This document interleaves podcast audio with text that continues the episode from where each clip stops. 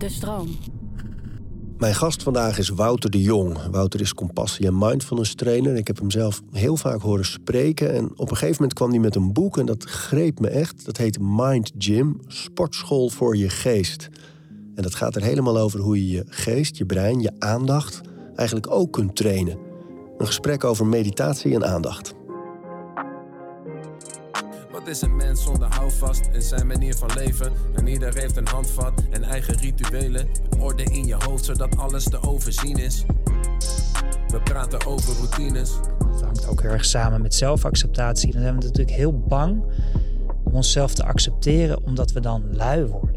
Weet je, dat, dat je toegevelijk wordt naar jezelf. Van, nou ja, ik accepteer mezelf. En ga ik alleen nog maar in een hangmat liggen. Maar het tegenovergestelde is waar. Dus het blijkt juist uit onderzoek dat mensen die zichzelf eh, werkelijk op een dieper niveau kunnen accepteren, dat die hun imperfecties veel scherper zien. We praten over routines. Ben jij een vroege vogel? En nou, van nature toch niet. Nee? Nee, meer een avondmens. Maar dat, bestaat ja, echt, sinds, ja, sinds kinderen is dat gewoon wel omgedraaid. Dus nu is mijn, ik word nu altijd wakker om zeven uur. Zonder wekker. Maar ik moet vaak wel, ook wel eerder opstaan soms. Maar zeven uur word ik sowieso wakker. En dan? Hoe ziet je dag er dan uit? Dan eh, heb ik als een soort dans, heb ik alles van tevoren klaargelegd, de avond daarvoor. Dus ik hoef alleen maar zo vloep, vloep, vloep, vloep er langs te lopen. En dan heb ik een, eh, ja, een soort routine waarin alles al klaargelegd is. Eh, ja. Maar, en dan hebben we het over de spullen voor de, kinderen, je ja, eigen de- ja, de- ja, het ontbijt is al gemaakt. Eh, dat zit al, eh, de boterhammen van mijn dochter zitten al in de vriezer. Eh, de kleding of sportkleding, als ik dat eerst ga doen, die zit al klaar. Dus het, dat ik zo min mogelijk hoef na te denken. Dat ik zoveel mogelijk alles op routine kan doen. Maar dat komt dus misschien wel voort uit het feit dat ik niet zo'n ochtendmens ben. Dus dan gaat alles gewoon veel trager. Daarom is het handig als ik dat gewoon... eh, Wanneer ja. kwam dat inzicht? Ja, door schade en schande, denk ik. Eh, Is dat zo geëvalueerd? En eh, ja, ik heb bijvoorbeeld, ik heb, we hadden, nou, als je het over een routine hebt, ik heb bijvoorbeeld wel heel bewust cafeïne uitgesteld. Dat deed ik vroeger, deed ik dat meteen bij wakker worden, omdat ik dan, nou, dan denk ik, ja, daar heb ik ooit een mooie podcast geluisterd van Huberman. Ik weet niet of je hem kent. nou of. Ja, Ja, en hij- Huberman, ja. ja, en Stanford en professor hij- met de Huberman Lab. Ja, Ja, en hij, hij, hij legde zo mooi uit van, eh, nou, je moet cafeïne twee uur later pas gaan drinken. Enerzijds omdat je cortisol je er ervoor zorgt dat je natuurlijk ontwaakt. En dat is een piek als je net wakker wordt. Maar op het moment dat je cafeïne neemt, neemt dat de werking van die cortisol over. En dat heeft weer invloed op je slaap, slaap de volgende nacht. Zeker, Ja. dus dat werkt weer door. En je adenosine, zegt hij, mooi. Eh, dat is een, ja, dat is een stofje dat, dat je opbouwt gedurende de dag, waardoor je je moeier voelt.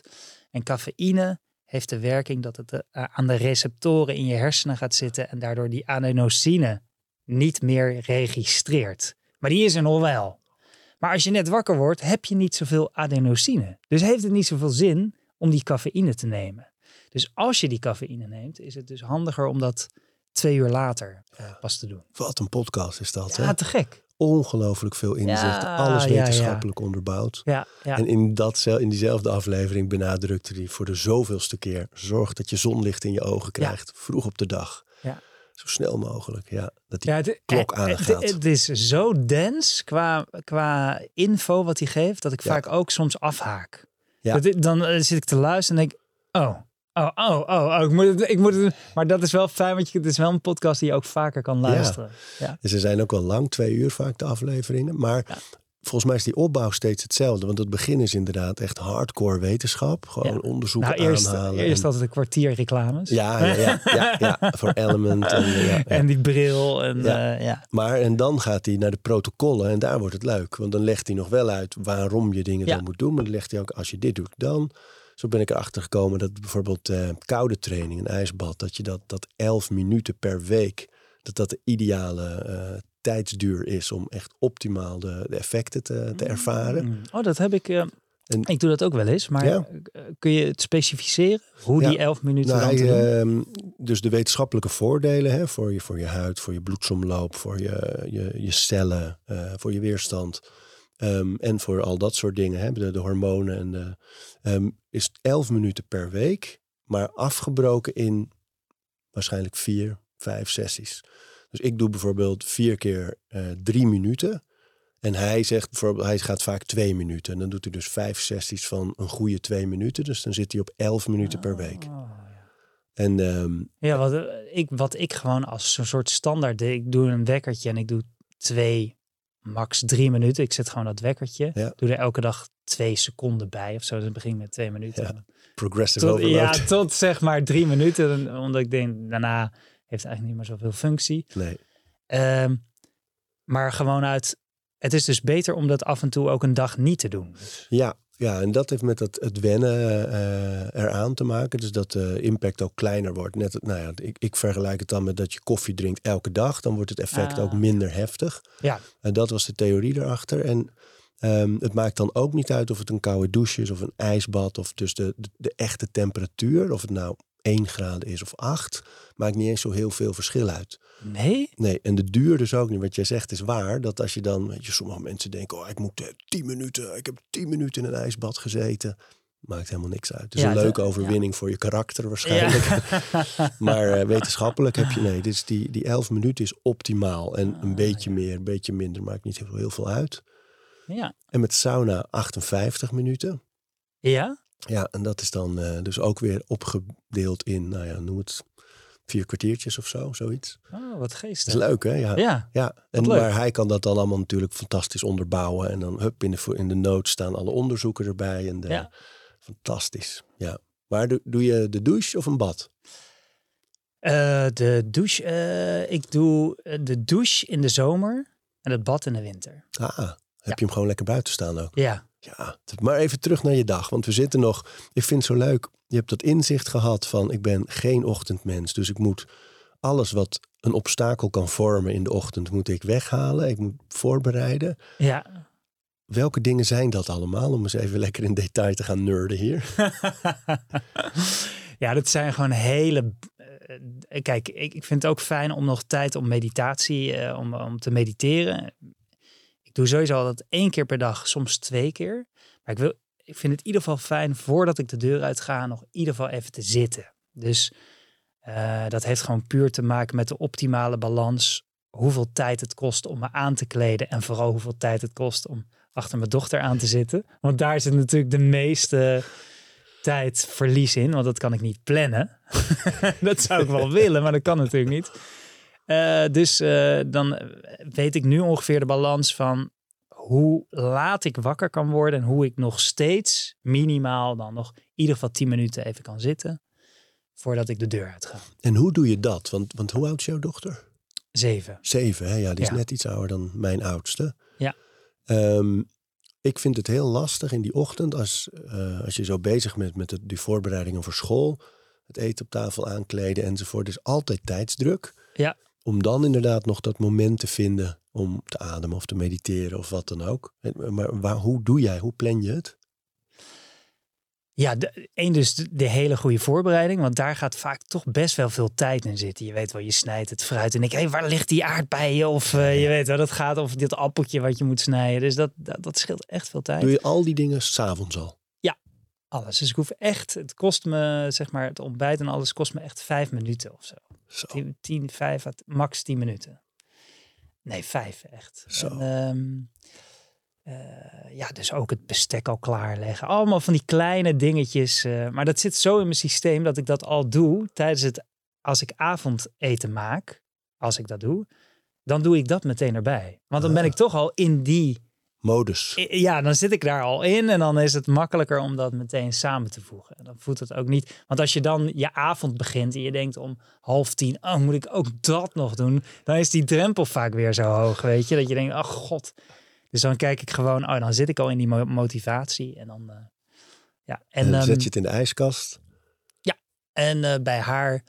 ehm, en wat, kijk, zij is nu wat ouder, dus ik kan haar wat meer verantwoordelijkheid geven. Ja, dus ik zeg, mee praten, hè? Ja, Ja. dus dat, dat scheelt gewoon. Dus ik zeg tegen haar, nu zeg ik, eh, als we het ontbijt hebben gehad, zeg ik: Oké, eh, ik breng je zo dadelijk naar school, maar ik breng, ik breng je als jij klaar bent. En doe er zo lang over je. Als je, als je te laat komt, is het prima, maar geef jij maar aan wanneer we gaan. Wauw. En dat kan ik natuurlijk alleen doen op het moment dat ik zelf niet op een afspraak hoef te zijn. Want, maar dan merk je toch dat er bij haar, gelukkig heeft ze dat nu nog, de zenuwen ontstaat van ik wil wel op tijd komen.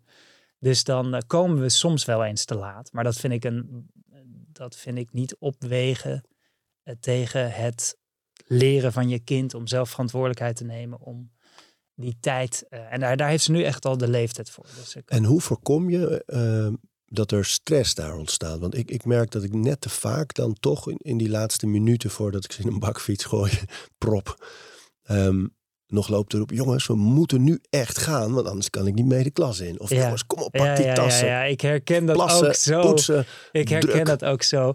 En als ik die, als ik zeg maar die insteek heb van, oké, het is jouw verantwoordelijkheid, dan voel ik daaronder natuurlijk zelf nog af en toe. Ik denk, schiet nou op, je komt te laat. Terwijl, ja, dus natuurlijk ervaar ik dat zelf wel. Maar het scheelt dan dat ik vaak in het laatste gedeelte natuurlijk ga zitten. Dus dan, dan kan je sowieso al zitten met wat je ervaart. En dat, dat maakt natuurlijk al dat je een andere houding hebt op het moment dat je daarna weggaat. Ja, mooi. Ja. En ik vind het, mijn ouders hebben me ook zo opgevoed. Ehm, en ja, ik heb daar toch wel ook wel heel veel eh, van geleerd. Dat ik gewoon zelf verantwoordelijk ben. Die lieten me ook gewoon echt liggen.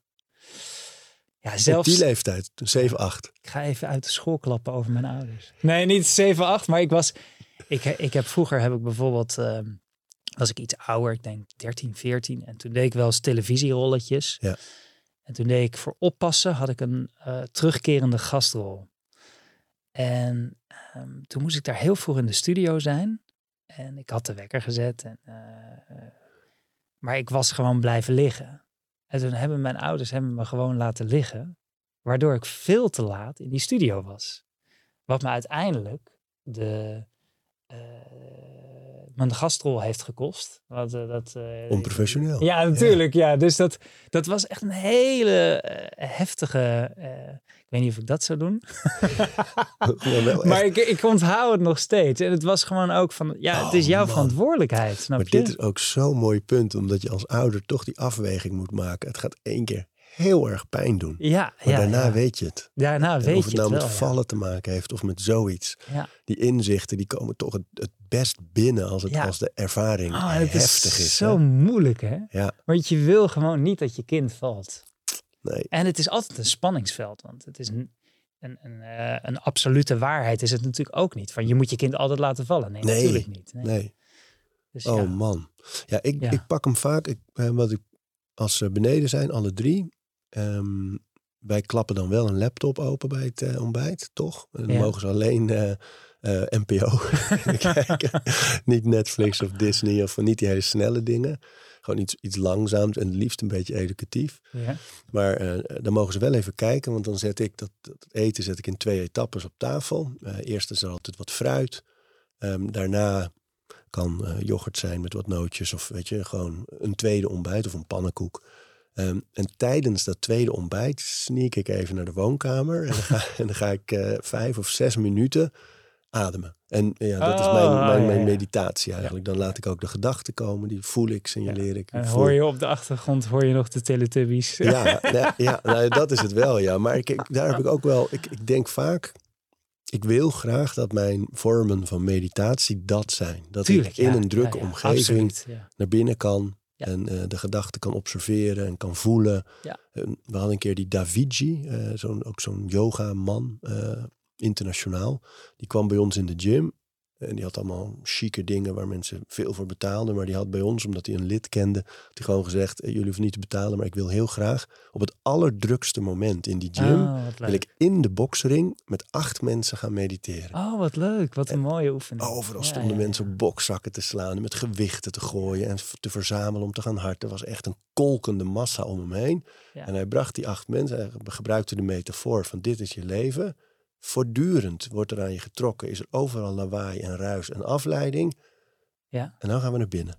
Ja. Signaleer eerst al die geluiden, ze zijn er.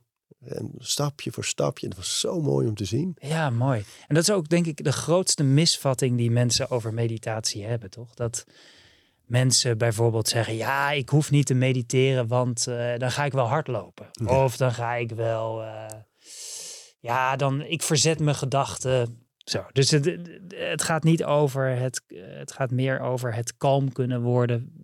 Of het in ieder geval het niet denken. Of het even afgeleid zijn van jezelf. In plaats van de werkelijke. Die vorm van meditatie natuurlijk is het kunnen verwelkomen wat er ook is. Ja. En dat daar. eh, ja, zeker. Ja. Dus je hebt de avond voorbereid. Al die dingen liggen klaar. Ehm, je, jij brengt je dochter naar school. Soms, nou, toevallig deze af. maand is mijn eh, geliefde heel veel in België. Dus deze maand doe ik heel veel. Maar dat wisselen we wel af. En die ochtenden, dus dan pak je die meditatie. Dat is eigenlijk dat eerste moment al op de dag. Ja. Ehm, hoe gaat die dag normaal gesproken verder? Een standaard dag? Nou, ik geef veel lezingen. Dus meestal of ik heb een lezing in de middag of de ochtend. Dus dat is, dat is een- twee of drie keer per week.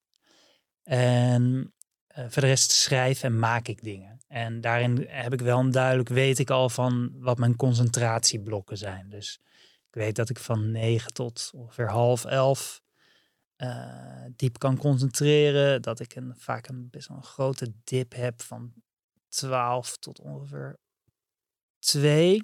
Hoe, hoe kom je daarachter? Ja, gewoon door, door het veel te ervaren. En eh, opmerkzaam erop te zijn. En erop in te spelen. Dus ik heb een soort ergonomische hemel. in mijn werkkamer. Dus er staan balansborden en een deskbike. En een, eh, en ik, ik kan een soort lopen tijdens dat ik aan het werken ben op een soort ding. Ehm, Maar wat is dat dan? Een soort loopband? Of? ja, dat heet de Jimba. G-I-M-B-A.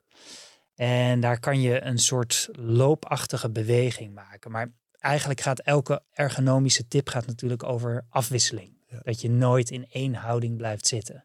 Dus ik heb ook een eh Farrier stokkenstoel, zo'n Oh ja, die ken ik. we zijn lekker reclame Ja, aan het maken. ja, gaat, ja, Ja, dus, dus eh, rechtop, eh, de, waardoor je rechtop zit. Maar ik heb ook, lijkt wel een soort ergon- ergonomische junk. Ja. Maar ik heb ook een wheelkan, dat is een soort kegel. En daar kan je alleen maar rechtop zitten.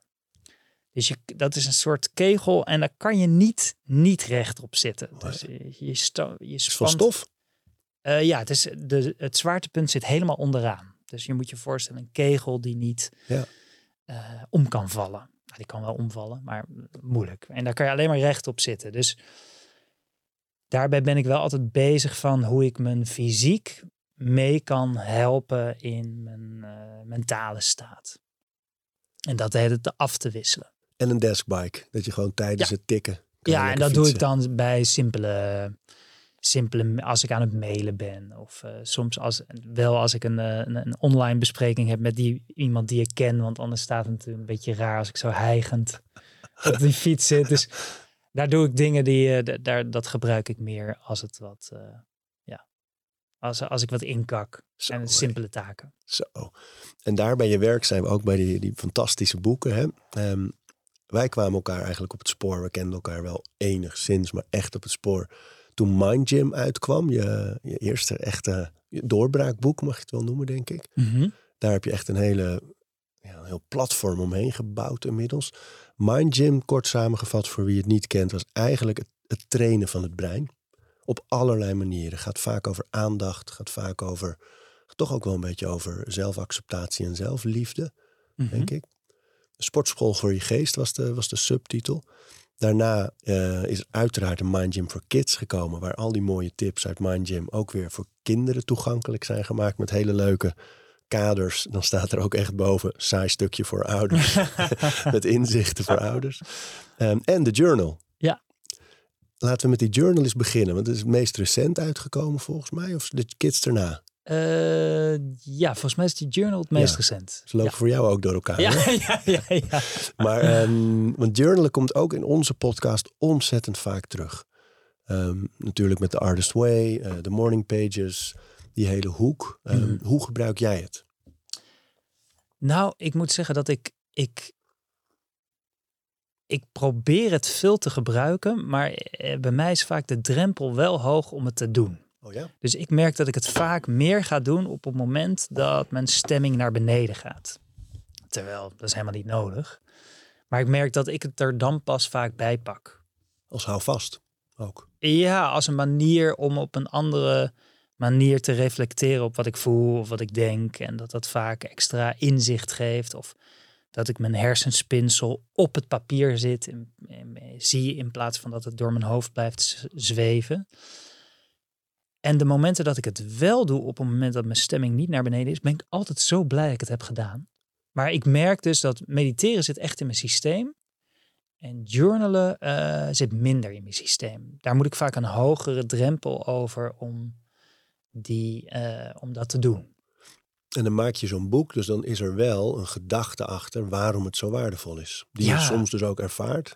Ja, zeker, zeker. Dus ons brein is gewoon verliefd op die pen. Weet je, dat is eh, met het schrijven spreek je sowieso meer hersendelen aan. Je eh, maakt sneller verbindingen tussen verschillende inzichten. Mede misschien, oh, mede misschien omdat je dus verschillende hersendelen aanspreekt, meer dan als je alleen reflecteert of praat erover. En zelfs meer dan dat je het bijvoorbeeld eh, typt of, eh, En ja, absoluut. Ja, ja. of op andere manieren dicteert of wat dan ook. Maar het- Zeker. het schrijven is belangrijk. Hè? Ja, en het schrijven vertraagt. Je, je wordt eh, noodgedwongen vertraag je. Het schrijven gaat langzamer dan het denken. Dus je, je hebt een, een vertraging in wat je, waardoor je makkelijker kunt, vaak kunt opmerken welke gedachtegangen er in je omgaan. Ehm, en, ehm, en, en, het is, en het blijkt ook dat het makkelijker blijft plakken. Ja, dus het is inzichten blijven makkelijker plakken. Daar hebben ze natuurlijk wel wetenschappelijke verklaringen voor, maar dat zijn vaak ook. eh, we denken dat het zo zit. Het zijn nog niet hele duidelijke, vaak hele duidelijke, expliciete van het zit zo. Maar bijna al die onderzoeken, die, ja, die, die geven allemaal aan, het is gewoon zo waardevol. Ja, hè? En ik heb zelf heb ik, eh, een tijdje gejournald met ehm, van die standaard journal vragen van eh, waar ben je dankbaar voor? En, eh, ja, vaak dezelfde vragen die terugkeren. En toen had ik zo behoefte aan een, een journalboek. Dus ik had het boek in eerste instantie voor mezelf gemaakt. Ik dacht, ja, wat zou ik nou leuk vinden als ik gewoon elke dag een vraag krijg die me veel meer prikkelt waar ik niet, niet een standaard vraag, maar dat de vraag op zich al een inzichtje meegeeft. Of een andere manier laat kijken. Of eh, omdat een vraag natuurlijk zo sturend is op het onderbewustzijn, is, dat, is de vraag op zich vaak al een, eh, manier om je geest te prikkelen. Kun je een paar van die vragen voorlezen dan eh, als, als voorbeeld? Hè? Want inderdaad, ik denk dat veel Ga jij, mensen... ze, ga jij ze beantwoorden? Ja, Dan Ik zit kijken, ineens in een sessie. nou, dat is leuk, want ik merk dat jij dat vaak doet in gesprekken. En dat eh, best wel veel ook mensen die met jou in gesprek zijn, daar een beetje, nou bang, maar ik heb een paar gesprekken teruggeluisterd die toen Mind Gym uitkwamen, zijn opgenomen. Waar de host soms best wel schrok als jij zegt, maar geldt dat ook voor jou, zei jij dan. Oh, dan, zo ja, ja. en dan ja. gingen ze in algemeenheden verder over. Nou ja, mensen zijn wel. Ja, je ziet vaak dat. En, en onze beroepsgroep. Ja. Leuk. Ehm, nou, ik heb er. Ik even kijken. Stel je voor dat er drie hele boze ideeën van jou aan je sterfbed staan. Zijn heel boos, hè? Welk idee is het kwaadst dat die nooit door jou is verwezenlijkt en uitgevoerd? Zo, hé. leuk. Dus, de- dus het zijn eigenlijk dingen waarvan je zou denken, die wil ik al heel lang of wil ik heel graag. En misschien wel zo graag dat als het niet lukt in dit leven of niet gebeurt, dat, dat het idee zelf daar erg boos om zou zijn. Ja. Dus dat, Die echt ziedend aan je sterfbed staat. ja.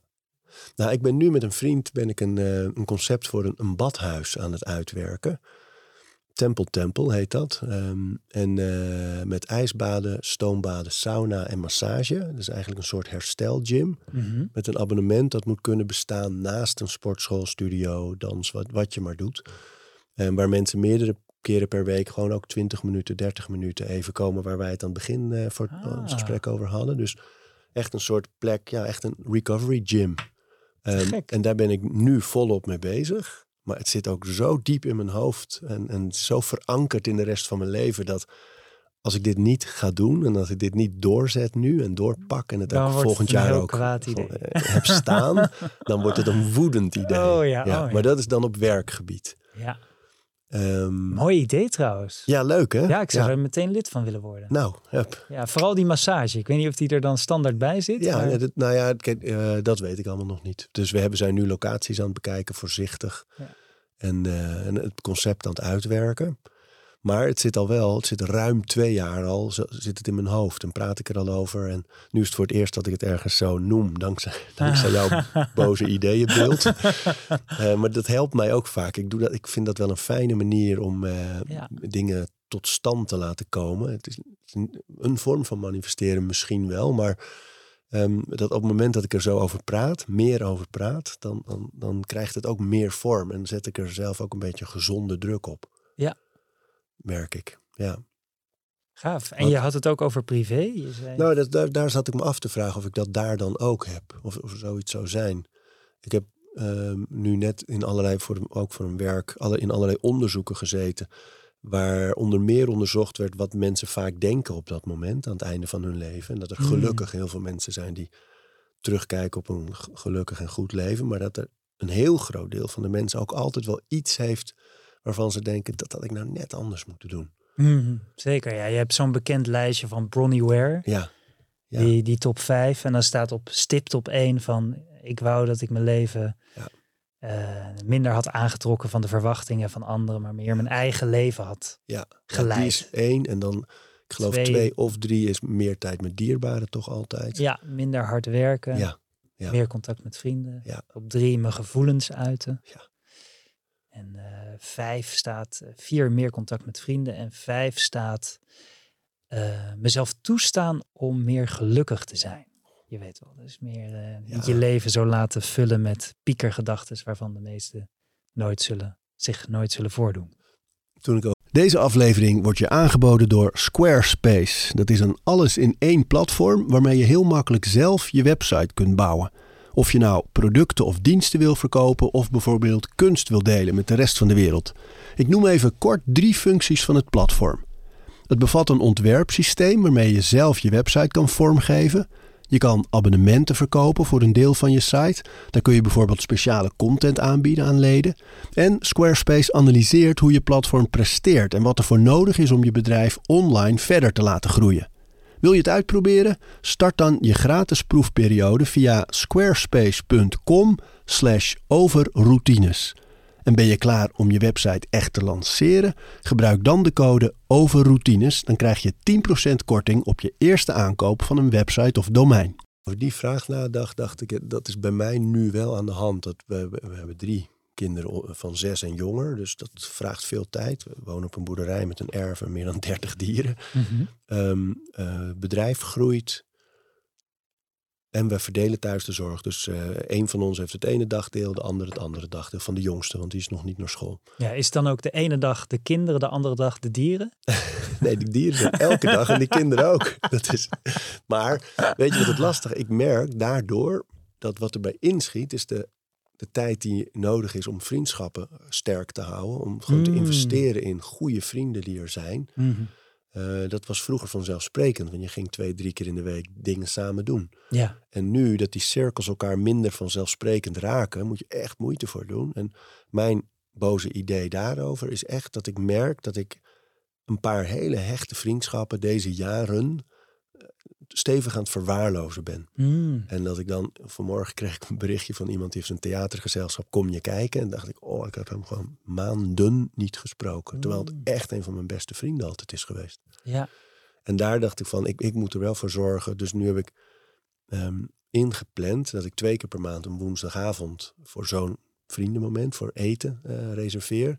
En dat ik elke maand één zaterdag een vriend met ook een gezin of kinderen uitnodig bij ons op de boerderij. Gewoon om, om even lekker samen Oh, te zijn. mooi. Dus heb ik in ieder geval al drie vaste momenten elke maand waarin ik daar weer Ja, tijd in goed kan dat je er meteen de verantwoordelijkheid voor neemt. Nou, dat was wel, dat kwam uit een boek van eh, Rangan Chatterjee. Dat is Rangan Chatterjee, ik weet niet hoe je het uitspreekt eigenlijk. Het is een Brit, Mhm. een huisarts. En met inmiddels ook een heel mooi platform. Dat gaat allemaal over ehm, ehm, happy mind, happy life. Weet je, jouw hoek is die ook echt wel. Ehm, niet geforceerd van het moet allemaal positief. Heel nuchter en wetenschappelijk benaderd. Maar die had een oefening hierover en die zei: Stel je voor, die drie boze ideeën, welke drie zijn het? En wat kun je vandaag doen om te zorgen dat ze minder boos worden? Dat is eigenlijk zijn oefening. Ah, Dus, ja. dus bij mij was het met die vrienden, dat- is iets wat langer al in mijn hoofd zit. Wat kan ik nou vandaag doen om daar iets aan? En toen heb ik dat bedacht, van ik moet die vaste momenten in Ja. gaan plannen. ja, mooi. Leuk hè? Ik, wat ik met, bij vrienden merk, nu ik ouder word, is dat het, dat het überhaupt al een uitdaging is om oude vrienden te onderhouden. Maar vooral ook, hoe, hoe vaak maak je nog werkelijk de nieuwe vrienden? En als dat ook zo is, van ik heb nu wel een nieuw iemand, eh, een nieuw iemand ontmoet. Klinkt meteen romantisch dan hè? Ja. We gaan vaak samen naar het going. bos. en eh, die, eh, ja, dat, is, dat, vind ik een hele leuke gast. En, eh, maar daar heb ik mezelf ook voorgenomen. Ja, dat, die wil ik echt, eh, daar wil ik ook investeren van dat het een, een nieuwe vriend is. Leuk hè? eh, ja, maar dat, is, dat, was, dat was voor mij ook iets onwennigs. Omdat het gewoon niet meer in... in Vroeger is dat vanzelfsprekend. Weet je, Eh, heel vroeger, de, de leeftijd van onze kinderen, is het zo vanzelfsprekend. Je loopt op iemand af en je zegt: Wil je spelen? Ja, En het ja. eh, gebeurt. Maar ja, je zit in die, in die dagelijkse cirkels, die Ja. sociale cirkels, en die zijn weg. Ja. En ik denk dat, dat dat is heel moeilijk om daar nieuwe dingen voor in te plaatsen. Je moet nu in, op onze leeftijden gemene delers hebben, genoeg om, eh, om in elkaar te investeren en om met elkaar te zijn. Ja. Dat is echt lastig soms om dat te bouwen. En dan merk je ook dat met name bij mannenvriendschappen, dat ze heel vaak gebaseerd zijn op gespendeerde tijd. Mhm. Van we hebben heel veel tijd met elkaar doorgebracht en daarom zijn we goede vrienden. Ja. En wat overblijft, bij mij in ieder geval, zijn die vrienden die er ook op momenten waren dat het minder was. Of dat je echt even iets gedeeld hebt wat zwaar was of zo, weet je wel. Ja. Dat zijn de hechtste gebleven. Ja, zeker, ja. ja. Julian Althuizius heeft er een mooi boek over geschreven. Verona heet het volgens mij. Over vriendschap en hoe dat verandert op die leeftijd als je Mm. kinderen krijgt. Hmm. En, eh, en hoe ambities kunnen veranderen. Een heel, heel leuk boek. Die moeten we misschien ook uitnodigen, Steven, voor de podcast. Julien. Ja. Maar we zitten bij je boeken. Ehm, dat geconcentreerde werk. Dat vind ik zo mooi bij jou. ehm, dat je heel veel tips en, en inzichten geeft. Die gaan over hoe kan ik mijn aandacht houden bij de dingen die voor mij belangrijk zijn. En of dat nou mensen zijn of werk. Eh, die tips en tricks, zullen we er daar eens een paar van doen die in jouw eigen leven ook relevant zijn? eh? Ja, ja, dus ehm, nou, wat, ik, wat ik zelf heel interessant vind, eh, als je het hebt over aandacht. Aandacht heeft natuurlijk heel veel vormen. Je kunt heel eh, gericht aandacht geven aan die selectieve aandacht. Of je aandacht kan heel open zijn. Dat je nou, bij wijze van spreken in die boxring zit. En je helemaal openstelt voor die geluiden met die yoga-leraar. En dus het zijn, je kunt je aandacht op heel veel manieren of in ieder geval, dit zijn twee duidelijke manieren. Je kunt het gerichter en opener. En denk dat een belangrijke stap is überhaupt al meer bewust daarmee omgaan om in het moment zelf te bepalen welke vorm van aandacht handig is om, ehm, om te gebruiken. Nou, en eh, een, een ander ding is eh, je woord gebruiken natuurlijk. Dat is ook iets wat, wat ik altijd heel interessant vind dat iets wat zo dichtbij je ligt, die stem, dat dat vaak zo onhelder is en onduidelijk en niet zichtbaar. Dat vind ik zo fascinerend. Het, het de, de kwikzilverheid van je gedachten. Van dieven in de nacht die gewoon weg. Je, je, dat is toch wonderlijk? Dat is toch Het zit zo dichtbij je. Nou, dus eh, met die twee vormen van aandacht, juist op het moment dat je ze allebei traint, kun je ook meer gevoeligheid en helderheid ehm, eh, trainen om die gedachten op te merken. Om er makkelijker van los te komen, maar ook om soms te kiezen welke gedachten daarin helpend zijn. Dus, ehm, ehm, en, en die gedachten zijn natuurlijk vaak gewoon woorden of beelden. Ehm, maar die woorden die zijn interessant als bijvoorbeeld eh, op het moment dat je jezelf motiveert en je gebruikt, je motiveert jezelf in de tweede persoon, dan blijkt uit onderzoek dat dat uh, effectiever is dan als je jezelf motiveert vanuit de eerste persoon. Dus, dus niet zeggen ik kan dit, maar je kan dit. Je kan dit, ja. En Tegen jezelf. Ja, want de verklaring daarvoor is dat je daardoor makkelijker het perspectief van een buitenstaander kan aannemen. En dat je daardoor uh, jezelf makkelijker kan, je impulsen kan beheersen. Omdat je jezelf dus meer vanuit een afstandje kan bezien. Nou, dit zijn altijd van die dingen dat je misschien bij jezelf denkt, ja, zal dat nou echt zo zijn?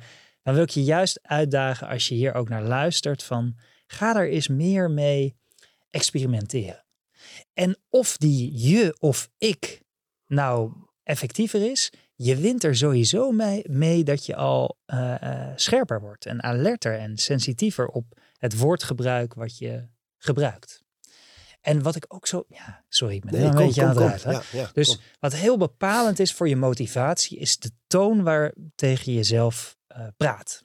En zoals we nou vaak, ja, e-, eigenlijk zijn we toondoof op het moment dat we tegen onszelf praten. We horen vaak niet de toon hoe we tegen onszelf praten. Is dat zakelijk? Is dat afgemeten? Is dat warm? Is dat koud?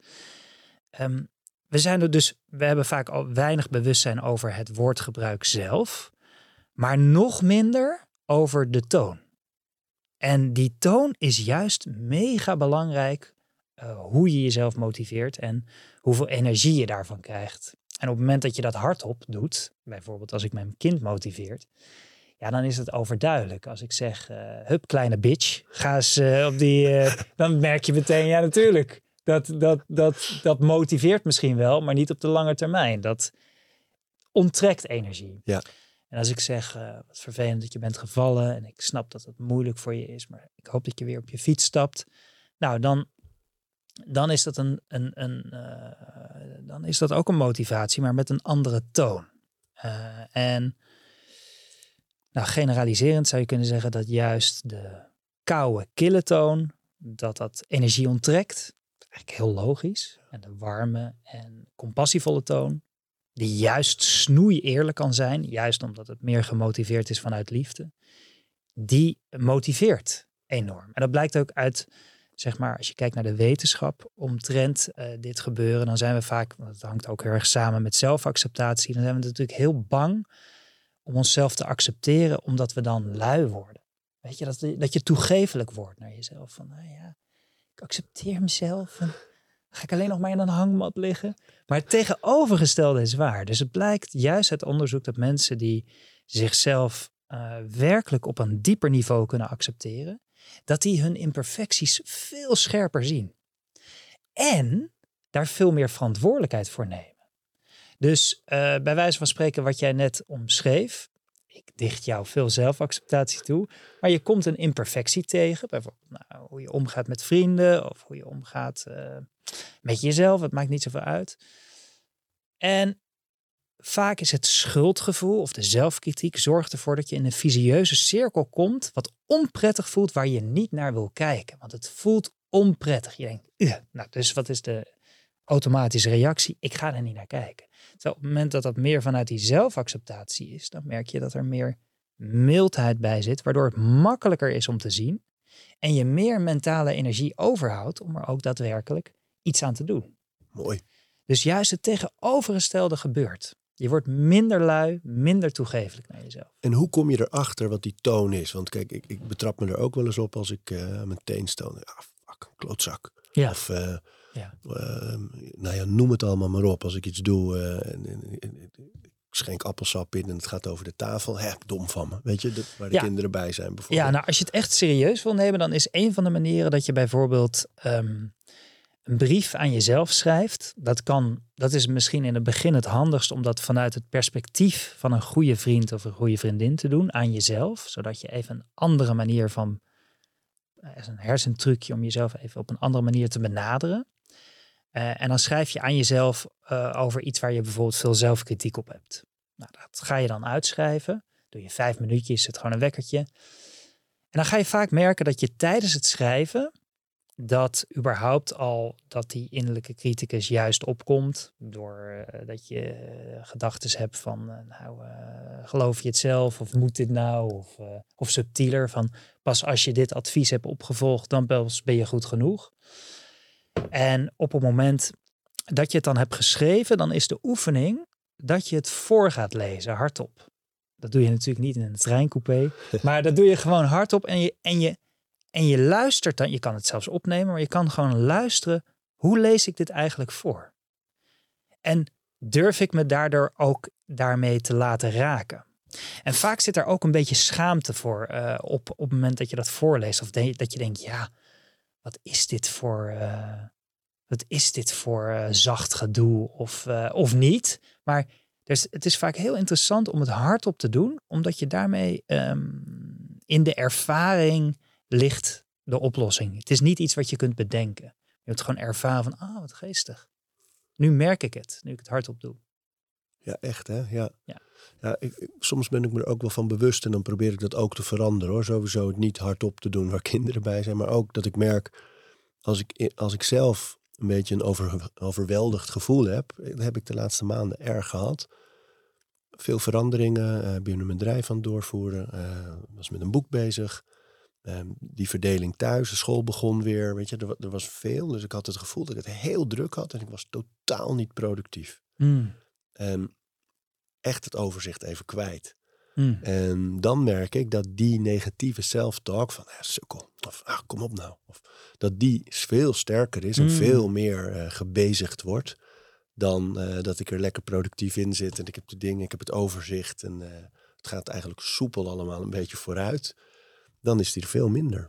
Ja, en dan zie je dat de vergelijking van die yoga-leraar die in de boksring gaat zitten, eh, juist waar er zoveel ruis en herrie is, je zou de vergelijking ook kunnen doortrekken met, juist op die momenten is het dus extra interessant om te gaan oefenen. Juist dan, want als het goed gaat, vaak ja, dan, de, dan denk je, ja hoor, ik, mag er, ik heb bestaansrecht, ik mag er helemaal zijn. Maar op het moment dat je faalt of iets je verliest iets of iets gaat niet zoals je loopt, dan pas wordt het vaak interessant of je jezelf nog bestaansrecht gunt, of je er nog mag zijn. En dan wordt het extra interessant om die oefening op te pakken. Over die innerlijke criticus heb ik nog wel een vraag. Want dat is dan dus inderdaad iemand die ook altijd wel over een schouder meekijkt van kan jij dit wel, dit moet jij misschien niet doen of uh, doe het maar veilig, wat dan ook. Of het is niet goed genoeg, dat, dat voelt iedereen wel eens denk ik. Die twijfel of die angst of die zorg. Mm -hmm. Maar die kan je dus toespreken. Niet zozeer eh, het zwijgen opleggen van je mag, die mag er niet zijn. En dat begrijp ik uit jouw werk een beetje, dat je die innerlijke criticus wel, die hoort erbij. Ja. Die mag er ook zijn. Maar hoe kun je daar nou het best mee omgaan? Nou, ik denk dat de, de belangrijkste stap, waar, wat je al mooi omschrijft, is op het moment dat je oordeelt over die zelfcriticus, dan wordt die zelfcriticus natuurlijk alleen maar sterker. Dus op het moment dat je denkt, god, wat ben ik toch een loser. En je denkt, wat ben ik toch een loser dat ik denk dat ik een loser ben. Ja, dan wordt hij natuurlijk mega sterk. Dus de allerbelangrijkste stap daarin op het moment dat je het opmerkt, is enerzijds feliciteren dat je jezelf hebt dat kunnen zien. Want het is moeilijk. Het is al moeilijk om het te zien. Maar ten tweede is dat je jezelf, je kan nog een stap verder gaan door die innerlijke criticus te bedanken. Te bedanken dat hij wil dat je veilig bent, dat je je doelen realiseert, dat je, uh, dat je je verbonden voelt. Maar je mo moet het zien als een overbezorgde moeder die gewoon om de haverklap roept: pas op, pas op, pas op. Of uh, een bijrijder in de auto die de hele tijd uh, zegt: pas op, pas op, pas op, pas op. Ja, je gaat er natuurlijk niet beter van rijden, maar op het moment dat je ruzie gaat maken, dan beland je zeker in de vangrail. Dus wat je wil is zoveel mogelijk die bijrijder bedanken. Van nou, uh, dankjewel. Je probeert me beter te laten rijden. Het is een beetje knullige hulp. Ik zie dat. Maar in ieder geval bedankt voor de moeite. En door, door die dank uit te spreken, is het makkelijker om die uh, innerlijke criticus op de reservebank te zetten. En dat betekent natuurlijk nog niet dat hij zijn mond houdt. Maar het betekent dat je een andere relatie mee aangaat. Ja, dat is echt zo. Want als ik inderdaad wel eens zeg van oké, okay, nou die gedachte ken ik nou wel. Die heb ik nu vaak genoeg van je gekregen. Ja. Um, dan is die ook onder controle of weg even. Um, misschien niet helemaal weg, maar wel, Ja. hij, hij verlamt me niet in Ja. ieder geval. Ja, je ervaart dan vaak meer, we hadden het net over die eh, gerichte aandacht en die open aandacht. Je ervaart vaak letterlijk meer ruimte in je bewustzijn. Van, het is niet alleen dat nog wat je ervaart, maar je bent letterlijk opener. Voor andere prikkels. En het is één gedeelte in je bewustzijn in plaats van dat het geheel je bewustzijn in beslag neemt. En ehm, nou, een ander ding wat denk ik hiermee samenhangt, maar dat is een andere meditatieoefening. En die bespreek ik, die bespreek ik nooit, die benoem ik nooit zo vaak ehm, in interviews. Eh, maar dat, die, die, die oefening gaat me echt aan het hart. En dat heet metta. Dat is een, eh, wellicht heb je er wel eens van gehoord. Dat heet liefdevolle vriendelijkheidsmeditatie. Hoe schrijf je dat? Eh, metta is het Pali-woord voor liefdevolle vriendelijkheid. En je schrijft het E M-E-T-T-A. Ja, niet te verwarren met me- meta. Nee, nee, nee, nee, het is geen Facebook. eh, het is geen. eh, nee, en ehm, ehm, eh, het is een hele bekende oude eh, boeddhistische meditatietechniek. En nou, zoals bij al die meditatietechnieken is dat onderhand ook door de wetenschap omarmd. En zijn er heel veel onderzoeken naar gedaan dat het zo ontzettend veel voordeel oplevert. En wat je daarin traint is door middel van wenszinnen een welwillende intentie naar jezelf en anderen. Eh, dus dat zou bij wijze van spreken kunnen zijn: eh, ik wens mezelf geluk, of ik wens mezelf acceptatie, of mogen ik, mogen ik, eh, mogen ik mezelf, eh, mogen ik kracht ervaren in de moeilijkheden van mijn leven. En het is dus iets anders dan positieve affirmaties. Want positieve affirmaties gaan vaak over eh, dat je iets benoemt wat er nog niet hoeft te zijn. Dat hoeft niet natuurlijk, maar dat kan bijvoorbeeld zijn: ik heb zelfvertrouwen. Of ik ben liefde. Of ik. En nou, voor, voor sommige mensen werkt dat natuurlijk ook heel goed. Maar er zijn onderzoeken die aanwijzen dat positieve affirmaties soms nadelig kunnen werken. Niet voor de mensen die zich al goed voelen, want die voelen zich vaak extra fijn op het moment dat ze de positieve affirmaties doen.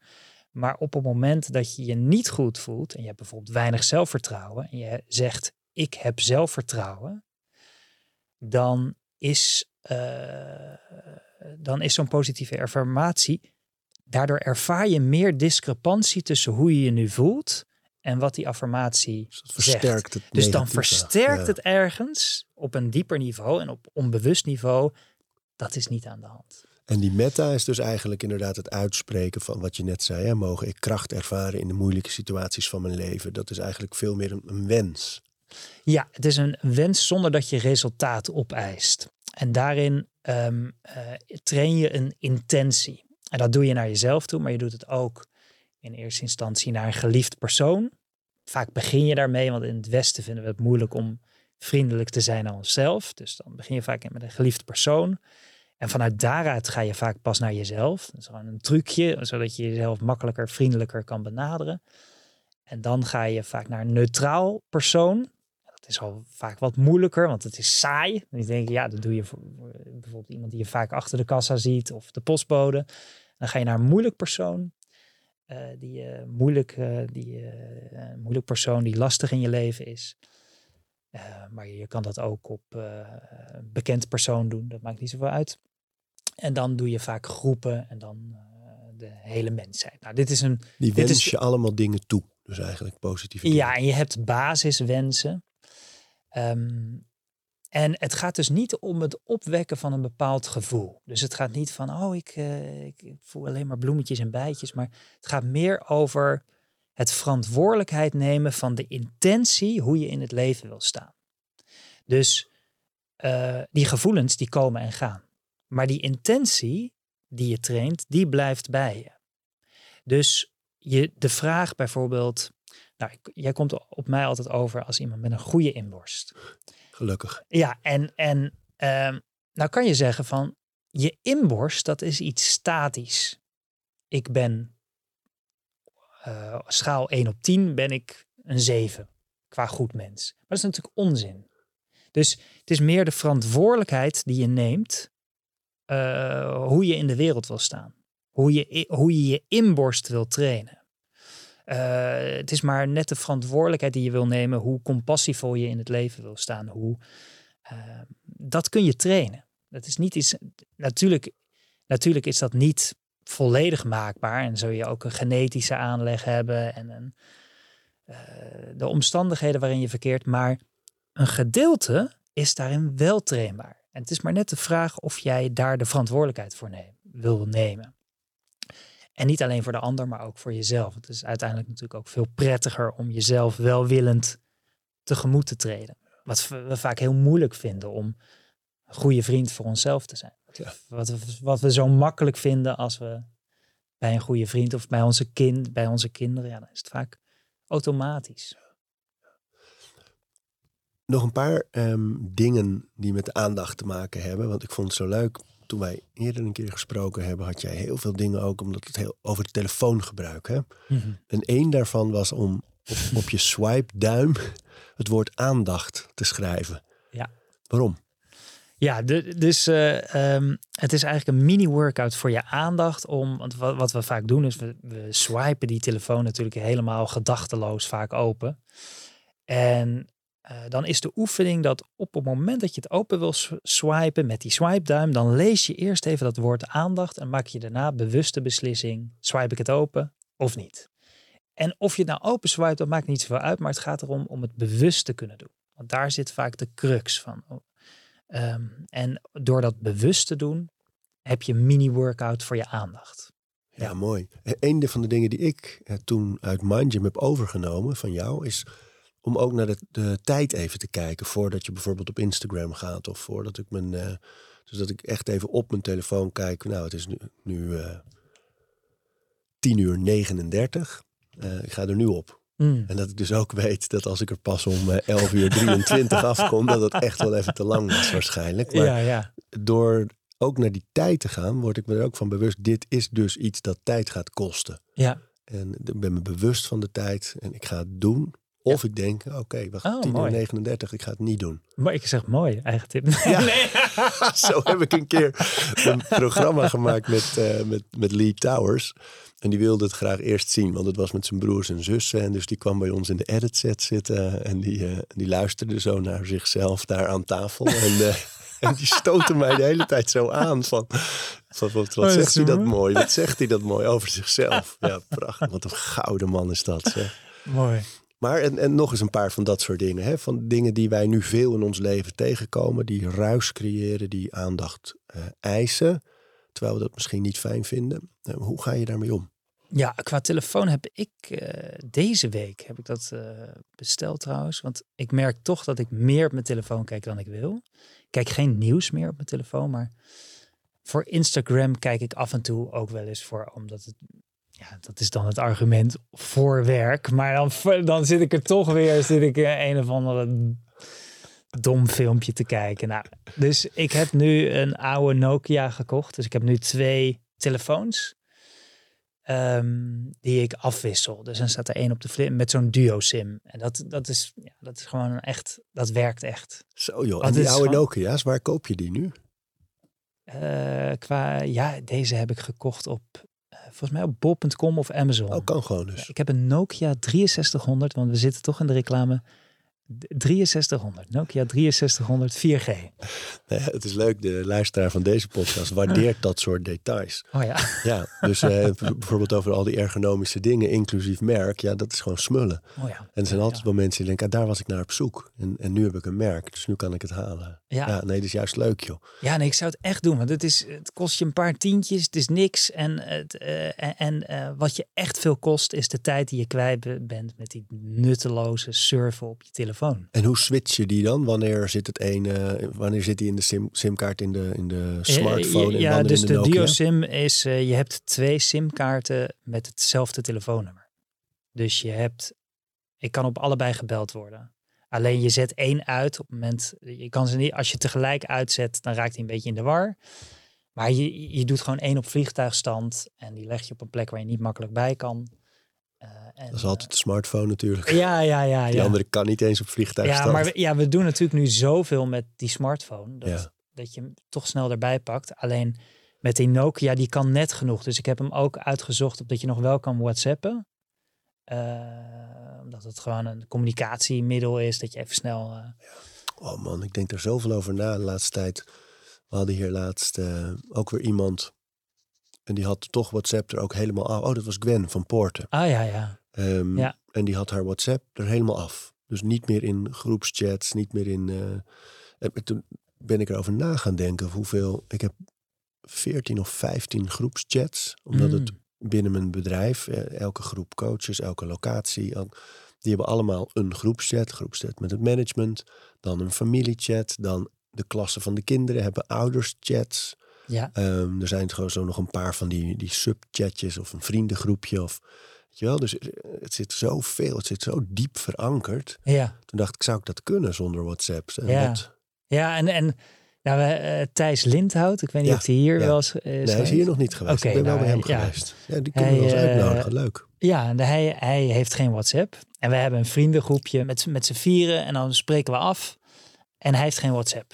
En dat gaat altijd verkeerd. Ja, hè? dus dan, de, en dan zitten wij altijd dat te denken... Hé, wat vervelend dat hij nou geen WhatsApp heeft. Ja. Maar ja, aan de andere kant... Nou zo'n afspraak nou eens een keer verkeerd gaat... Je wint er natuurlijk wel mega veel bij. Ik heb in dat opzicht heb ik wel... Ben ik zelf wel heel streng eh, in die WhatsApp groepen. Dus ik heb wel heel veel gesnoeid. In, eh, behalve dan de oudergroep, dat soort dingen. Maar ik heb eh, ja, zelfs een ook een vriendengroep ben ik uitgegaan. Ik dacht, ja, dan kunnen ze me wel persoonlijk benaderen. En dat doet even pijn. Want ik denk, ja, maar nu mis ik het. Dan is het wel een voordeel dat je in jouw vakgebied zit. Hè? Dat mensen ook wel, oh ja, maar dan is die natuurlijk weer met die mind gym. En dat is dan ja, ja, efficiënter. ja, eh, ja zeker, zeker. Oh, dat kennen we van hem. Dus het is makkelijk. En er is ook altijd wel iemand die denkt, ja, zou ik misschien ook eens moeten doen. Doe het nooit. Ik wil nog één ding van je horen in de laatste minuten van ons samen zijn. Ehm, als jij gaat slapen en je Mhm. bent zo met aandacht, met focus, met emoties, met het leven bezig, een vol leven ook nog eens. Doe jij iets om goed te kunnen slapen? Ehm, ja, het standaard ding van niet op mijn telefoon kijken. Ehm, wat ik niet doe, wat ik wel zou moeten doen, is ik eet nog te laat vaak. Dus je ziet als je de laatste twee uur eet, dat het ook eh, invloed heeft op de manier van ademen tijdens je slaap, wat ongunstig is. Ja, Eh, maar dat doe ik wel. Dus dan eet ik vaak nog wat fruit of wat, eh, di- eh, wat dingen. Dus daar ga ik vaak de mist in. Ehm, maar geen meditatie, geen ademhaling, geen boeken lezen, geen... boeken, ik lees vaak nog wat boeken. En wat ik, als ik, als ik merk dat ik een, dat ik, als ik heel geïnspireerd ben, vind ik het moeilijkste om te slapen. En want dan, dan schrijf ik het natuurlijk überhaupt op als ik weer een idee heb. Maar dan blijf ik zo malen van, oh, ik heb nu dit idee of ik heb nu dat idee. Ehm, en eh, wat ik dan soms wel eens doe, dan zet ik een, een redelijk saaie podcast op. Niet deze dus, hè? maar een redelijk saaie podcast. En dan ga ik gewoon een beetje naar zo'n podcast luisteren. Of ik zet er ook wel eens een sla yoga nidra op. Oh ja, mooi. Maar eh, raar genoeg werkt een slaperige podcast bij mij vaak beter dan yoga nidra. Omdat ik gewoon een soort ja, verveeld raak en daardoor in slaap val. Dus, eh, De ANWB heeft hele mooie wandelpodcasts. en die, die, Die die zijn... zijn- heel rustig verteld. Of het zijn zelfs alleen maar natuurgeluiden en dierengeluiden. Die Ah. zijn best eh die interessant. nee, ga ik eens opzoeken. En yoga nidra even kort voor de mensen die het niet weten. En yoga nidra is een vorm van. ehm, ja, het zijn eigenlijk. Zijn het ja, misschien is het oneerbiedig, maar het zijn eh, een soort verkapte slaapmeditaties. Zo Ja, zie ik ja. ze. Ehm, Ja, vind ik, met hele lange uitadem. Hè, en eh, ja, en vaak snel naar verschillende delen van het lichaam gaan. eh, scannen. ja. scannen. En En staan heel veel op YouTube. er staan heel veel We op hebben YouTube. hier eh, Rob de Ron gehad, een slaaponderzoeker. en die was daar ook heel erg enthousiast over. over Ja, die, ja, en ik heb. En dat doet Huberman ook trouwens. Hè? 20 minuutjes, dat noemen ze non-sleep. Nou, hij heeft daar een term voor, maar die eh 20 minuten of yoga nidra... of gewoon gaan liggen, ogen dicht, niet in de diepe slaap komen... maar wel op de ademhaling concentreren. Mm, ja, Ja, ja, en ik, ja, ik vind het altijd lastig om reclame te maken, maar ik ga het toch maar doen. doe maar, doe. Ehm, eh, er is, eh, ik ben nu heel hard aan het werken aan een meditatie-app. Oh. Die komt bijna uit. Leuk. Dus die komt over... Jij wordt eh, onze Andy. Ja, ja dat, is wel, dat, is, dat is wel mijn... Andy vind ik een prachtige, Headspace, ja. prachtige meditatiebegeleider. En eh, Sam Harris ook. Dat is Ja. ook een grote voorbeeld Waking van Up hem. heet die app. Ja, man, die is man, prachtige app. Wel next level.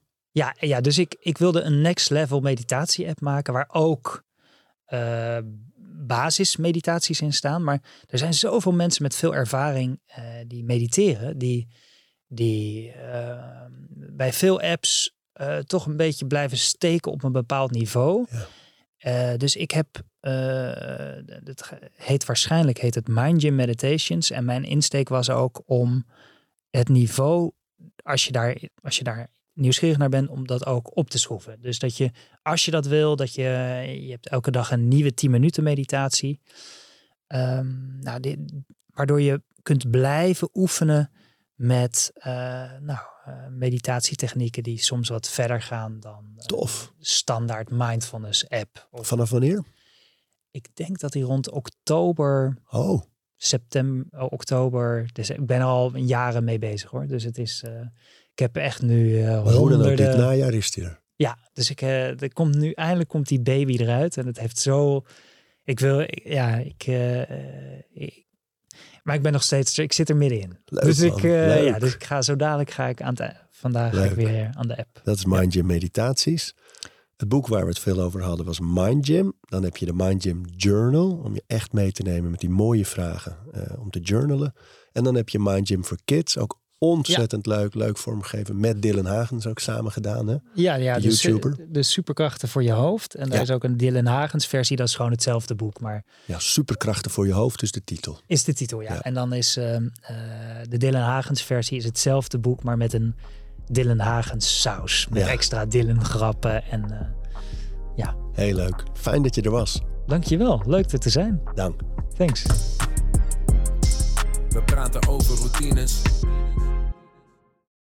Dankjewel voor het luisteren. En voordat je weer doorgaat naar andere dingen, wil ik je nog even wijzen op Over Inspiratie. Dat is het mailtje dat ik elke donderdag rondstuur met drie tips. Dingen waar ik zelf veel aan gehad heb. Het kunnen producten zijn, artikelen die ik gevonden heb online, onderzoeken, eh, Instagram-accounts, podcasts, boeken, van alles eigenlijk. En ik denk dat je daar zelf ook veel aan kunt hebben. Dus vind je het leuk om dat mailtje elke week te ontvangen? Dan kun je je opgeven op ariboomsma.nl onderaan de pagina. Dan krijg je voortaan elke donderdag in je mailbox over inspiratie.